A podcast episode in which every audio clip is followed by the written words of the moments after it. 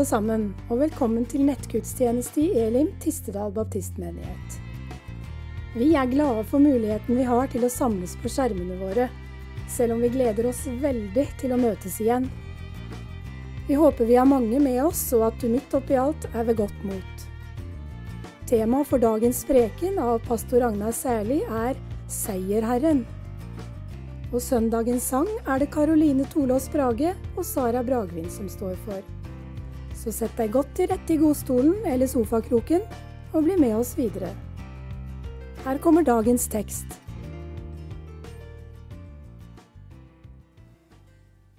Det står skrevet i Johannes' åpenbaring kapittel 19 og vers 11-16. Og jeg så himmelen åpen og se en hvit hest. Han som satt på den heter trofast og sannferdig, for han dømmer og kjemper rettferdig.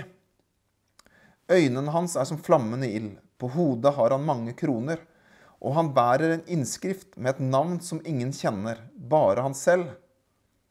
Han er kledd i en kappe dyppet i blod, og hans navn er Guds ord. Himmelens hærskarer, kledd i hvitt og rent lin, følger ham på hvite hester. Ut av munnen hans går et skarpt sverd. Med det skal han slå folkene. Han skal styre dem med jernstav og tråkke vinpressen fylt av vredesvin, av Guds, den allmektiges harme. Og han har et navn skrevet på kappen og ved hoften, kongenes konge og herrenes herre.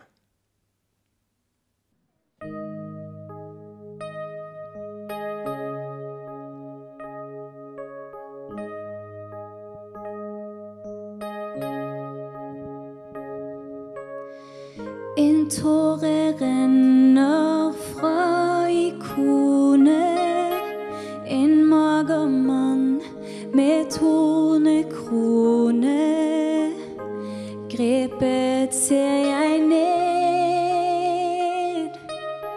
min tro, mitt håp, min fred.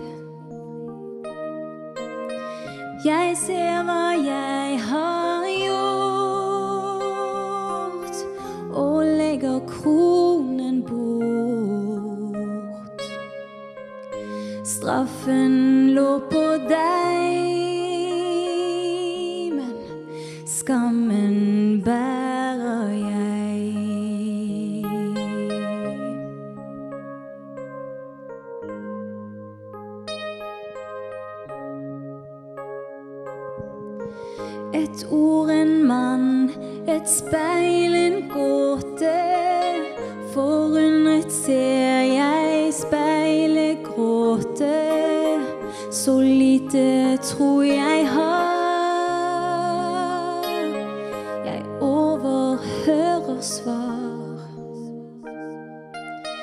Jeg trodde det var meg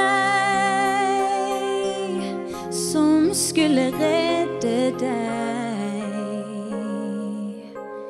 Skamfull ser jeg ned, for det var du som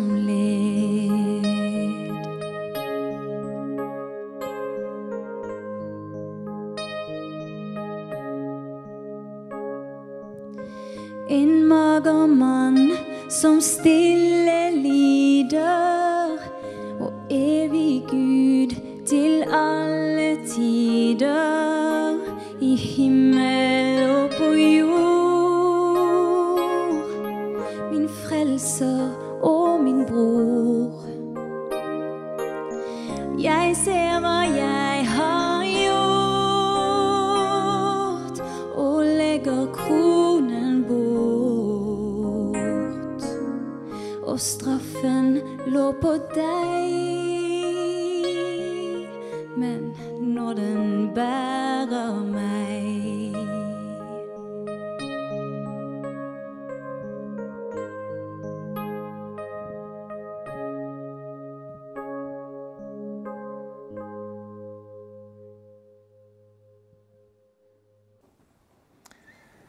Denne våren har vi i Elim vært i sammen om leseplanen 100 dager med Jesus, hvor vi daglig har lest tekster fra Jesus sitt liv her på jorden, om hans død og oppstandelse, men også om Jesus i Det gamle testamentet.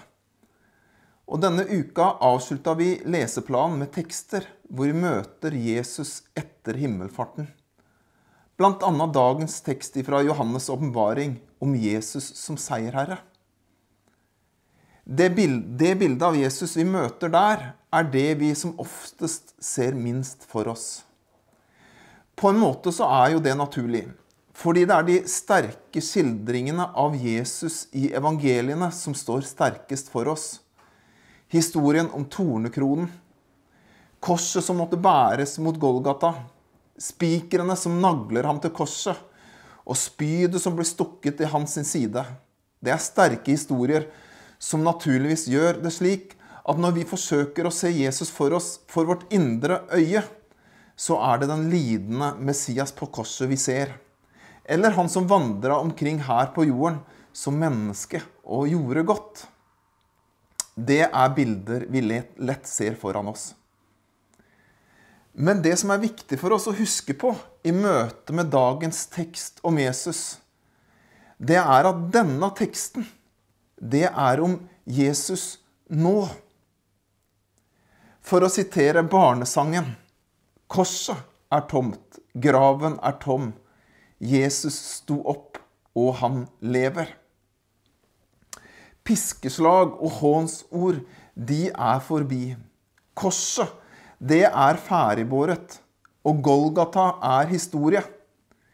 Om du besøker Jerusalem i dag, så kan du se så vidt se deler av Golgata gjennom et glassmonter i kirken som er bygget over denne fjellformasjonen.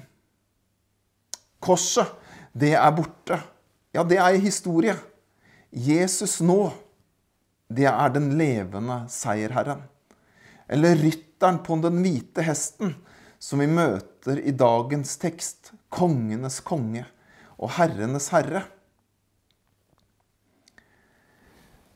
Når jeg ser tilbake på mitt liv som, som, kristen, så ser jeg at det er epoker av mitt liv hvor Jesus som seierherre hadde et større fokus. Som regel så var det knytta til tider som jeg synes at jeg fikk til kristenlivet. I hvert fall slik som jeg tenkte at det skulle mestres. Fordi som kristne så kan vi, så kan vi også dyrke idoler.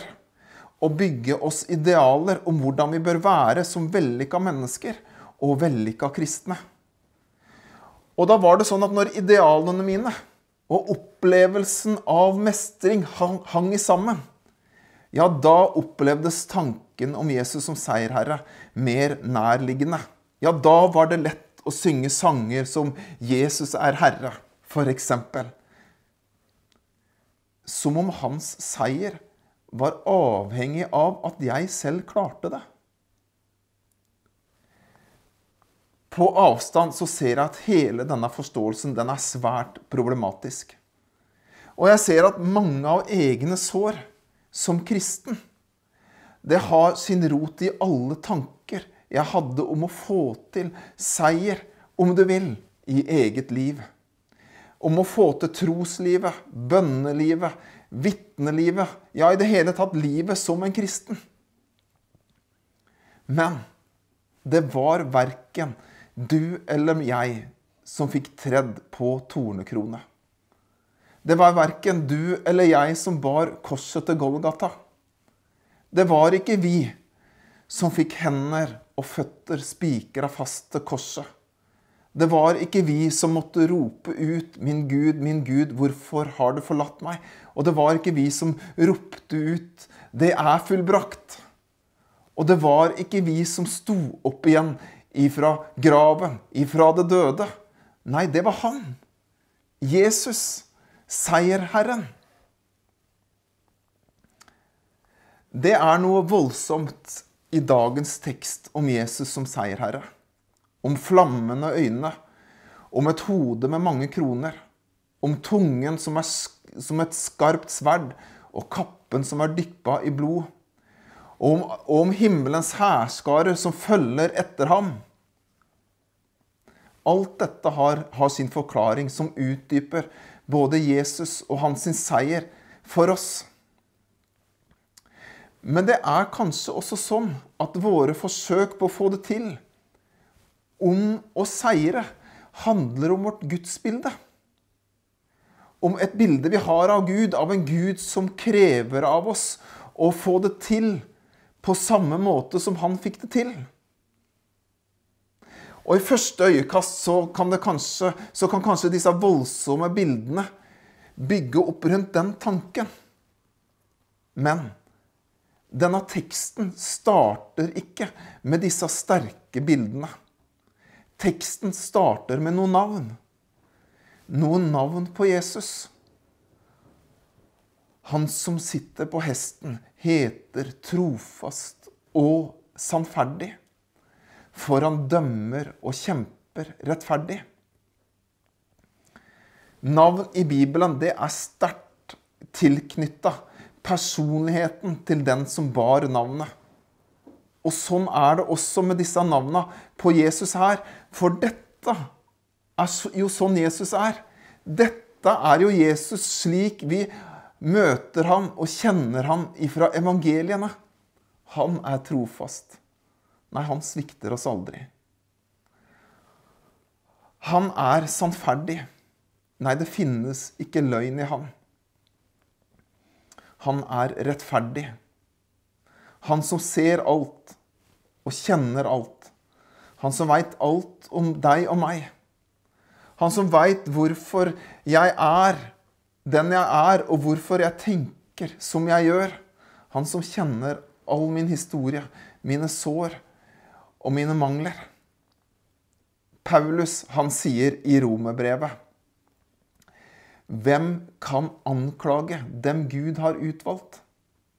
Gud er den som frikjenner. Hvem kan da fordømme? Kristus er Jesus er den som døde. Ja, mer enn det. Han sto opp og sitter ved Guds høyre hånd, og han ber for oss. Hvem kan skille oss fra Kristi kjærlighet? Nød, angst, forfølgelse, sult, nakenhet, fare eller sverd? som det står skrevet, for din skyld drepes vi dagen lang. Vi regnes som slaktesauer. Men i alt dette vinner vi mer enn seier ved Ham som elska oss.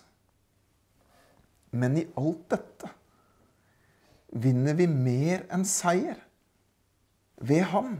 Ja, så er det sant. Vi også seirer. Vi vinner mer enn seier, står det. Men det er to ord som gjør at denne seieren ikke bare er for dem som får det til, for de vellykka, eller bare for de epokene i livet som vi følte at vi fikk det til. Og det er de to orda ved ham. Det er igjennom ham at seieren også er vår.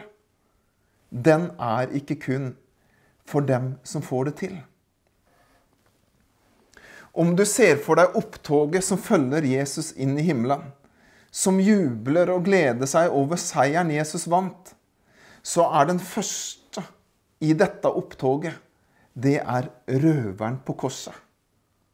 Han er jo den som først får erfare evangeliet. I dag skal du få bli med til meg til paradis, hadde Jesus sagt til ham. Han som ikke hadde fått det til som hadde ødelagt hele liv. Vi fortjener dette. Det var orda han sa til den andre røveren mens han henger der på korset. I møte med Jesus så kan han ikke gi noe tilbake. Bokstavelig talt så kan han ikke løfte en eneste finger for Jesus. Han som ikke kunne vise til egen seier. Han kan du se for deg toget først av alle inn i himmelen sammen med Jesus, med seierskjenner løfta over hodet. Iblant så kan vi se en fotballkamp på TV og si at dette laget det vant helt ufortjent. Og det er vel sjeldent at det uttrykket passer bedre. Helt ufortjent triumferer denne røveren inn i himmelen som seierherre. Og historien står der som et vitnesbyrd for oss alle. For alle oss andre som kjenner at vi ikke får det til. som kjenner at vi ikke har fortjent det. Vi vinner mer enn seier ved ham. Og hans seier, den er vår.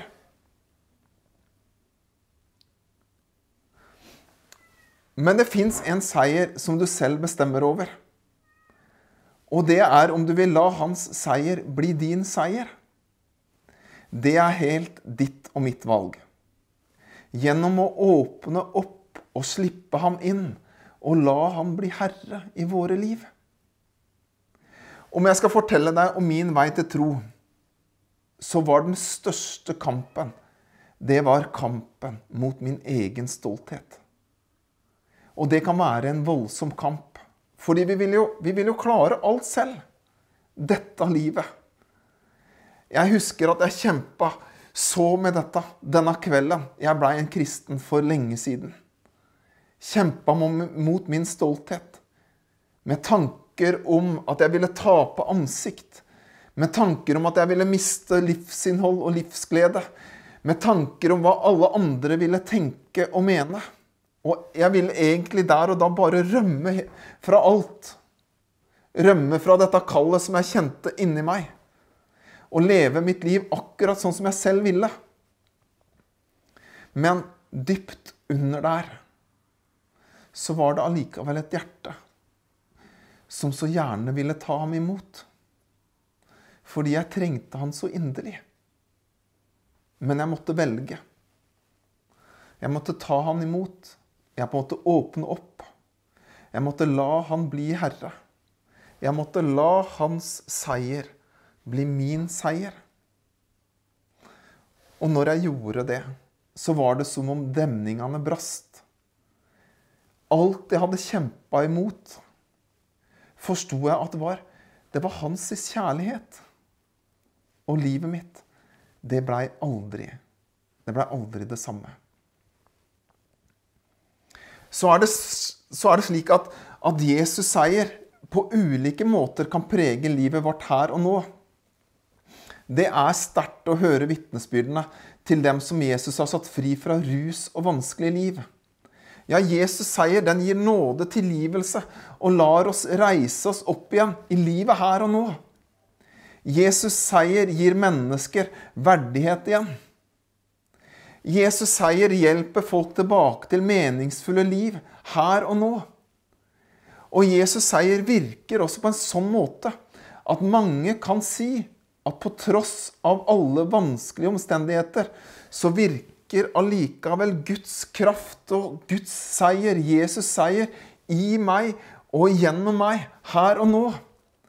Og Paulus han var jo et vitnesbyrd om dette. Om Guds kraft Guds seier fullendt i skrøpelighet. Så er det samtidig sånn at det er seire vi ikke vil se realisert på denne sida av livet. Og det kan være smertefullt og vanskelig. Vi kan alle bære på tunge tapsopplevelser gjennom hele våre liv. Opplevelser som føles så langt fra tankene om seier og det å være seierherre. Om du har det sånn at du veit at det er tap du ser at du må bære med deg lenge, ja, kanskje gjennom hele livet, så har jeg lyst til å fortelle deg en fortelling. Eller jeg har lyst til å ta deg med tilbake til Roma til åra etter Jesus. I Roma så opplevdes noen av de mest brutale forfølgelsene av kristne som vi kjenner til gjennom historien. Og noen av disse skjedde under keiser Neros sitt herredømme. I år 64 så brant store deler av Roma opp i en brann som varte i seks dager og syv netter. Og en del mente at det var Nero selv som sto bak disse brannene fordi at han ville bygge om Roma. Men Nero på sin side, han beskyldte de kristne for å stå bak. Og så fikk han dem drept på de mest groteske måter. Blant annet så blei mange kristne er korsfesta. Smurt inn med voks og bek. Og så blei de satt fyr på som fakler i Nero sin egen hage. Nå er det ikke dokumentert at dette også ble gjort i Colosseum, eller at kristne ble, måtte lide som martyrer der. Men det er det godt mulig at de måtte gjøre. Også i dette store praktbygget som vi kjenner til. Men det vi helt sikkert veit om Colosseum, det er at i Colosseum så ble, eh, så ble historiske slag og seire iscenesatt i teaterform. Slik at folk kunne komme til dette stedet og bivåne de historiske seirene til datidens herskere. Så du kan se for deg denne byen, Roma, på denne tiden. Her dyrkes heltene og de store seirene. Samtidig så er det en liten minoritet av kristne. De nevnes kun i små avsnitt eller bisetninger av datidens historieskrivere. Og denne minoriteten, den forfølges, og den drepes. Og dette er altså etter Jesus sin seier på korset. Men det oppleves ikke som mye seier når man hører om de grusomme fortellingene. Så har årene gått. Kolosseum blei for et par århundre siden gravd fram igjen etter å ha utspilt sin rolle for lenge siden. Fordi keiserne og herskerne, de er døde. De fleste navna og seiershistorien som en gang ble feira der, ja, det er det, det er det bare historikere som i dag kjenner til. Men om du besøker Colosseum i dag, så er det én ting du vil møte på innsiden av Colosseum.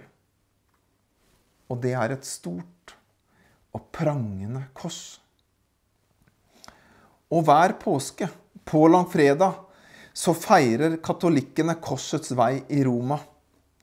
Korsets vei, eller Via Crucis, det er en vandring som paven leder. Hvor de minnes Jesu vei til Golgata. Og Via Crucis, den starter i Colosseum, før den går ut i de gamle delene av Roma ja, så er det fremdeles én seier som markeres. Og det er fremdeles én seierherre som hylles. Der alle andre navn og seire er glemt, så står det én fast. Jesus seier på Golgata. Ta det med deg i livet ditt om du vet at det er tap som du vil bære på gjennom hele livet her det er en seier som vil stå gjennom alt. Som du fullt ut ikke vil se konsekvensene av her og nå i dette livet.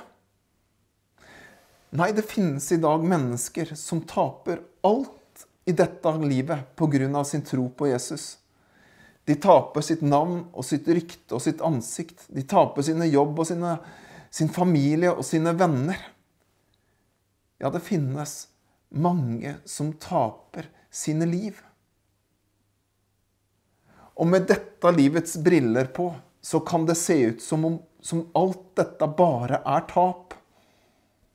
Og så kan vi på vår side kjenne på de tapa som vi bærer på gjennom dette livet.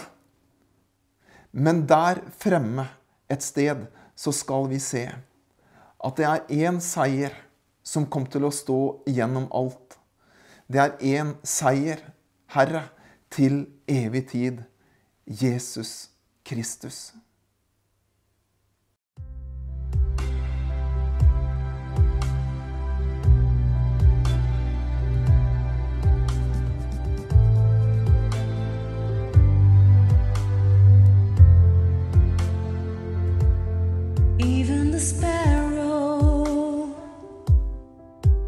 There's a place to lay its head, so I.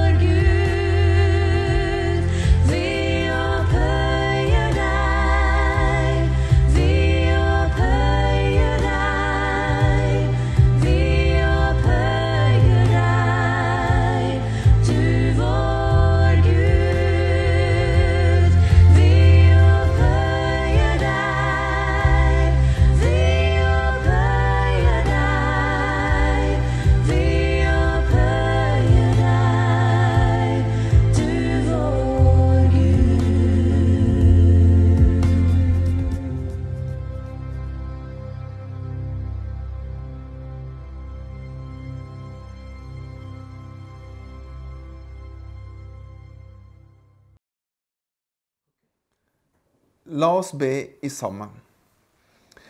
Takk, Jesus, at du gav alt for oss. Takk at du var villig til å gi ditt liv for oss. Takk at du bar tornekronen. Takk at du bar korset. Takk at du døde for vår skyld og våre feiltrinn. Takk at du gjorde alt. Takk at du gav alt. Og takk for at du seira. Du overvant smertene, hånsornene, tornekronen og spikerslagene. Du overvant alt onde. Du overvant døden. Du gikk ut av graven som seierherre. Takk at din seier er vår. Og takk at vi ved deg også kan løfte seiersender. Og takk at din seier, den står fast til evig tid. La oss be vår Far i sammen.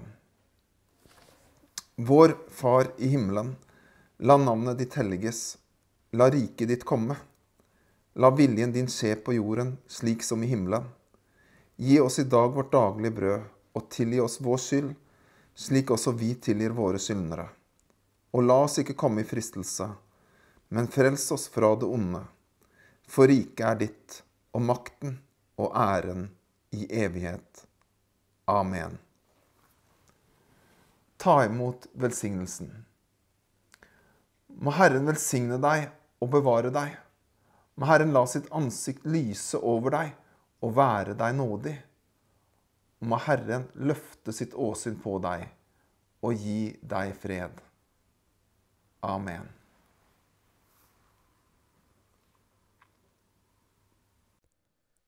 Det er viktig at vi oppmuntrer hverandre disse dagene. Vi i Elim ønsker ikke at noen skal bli sittende alene med bekymringer og vonde tanker i denne tida. Derfor har vi startet Kontakt ett medlem hver dag-kampanjen. En telefonsamtale, en melding En prat på FaceTime kan bety mye. Her kan alle være med og gjøre en innsats for hverandre. Er det noen som ønsker samtale eller forbønn, så sitter pastoren vår klar ved telefonen hver onsdag fra klokka ti til tolv. Og ved behov kan man nå ringe utenom disse tidene. Vi håper og ber om at vi snart skal ha full aktivitet i kirka vår igjen, men enn så lenge kan du være med på gudstjenester her på nettet. Følg med på nettsiden vår, elimtistedal.no, for informasjon.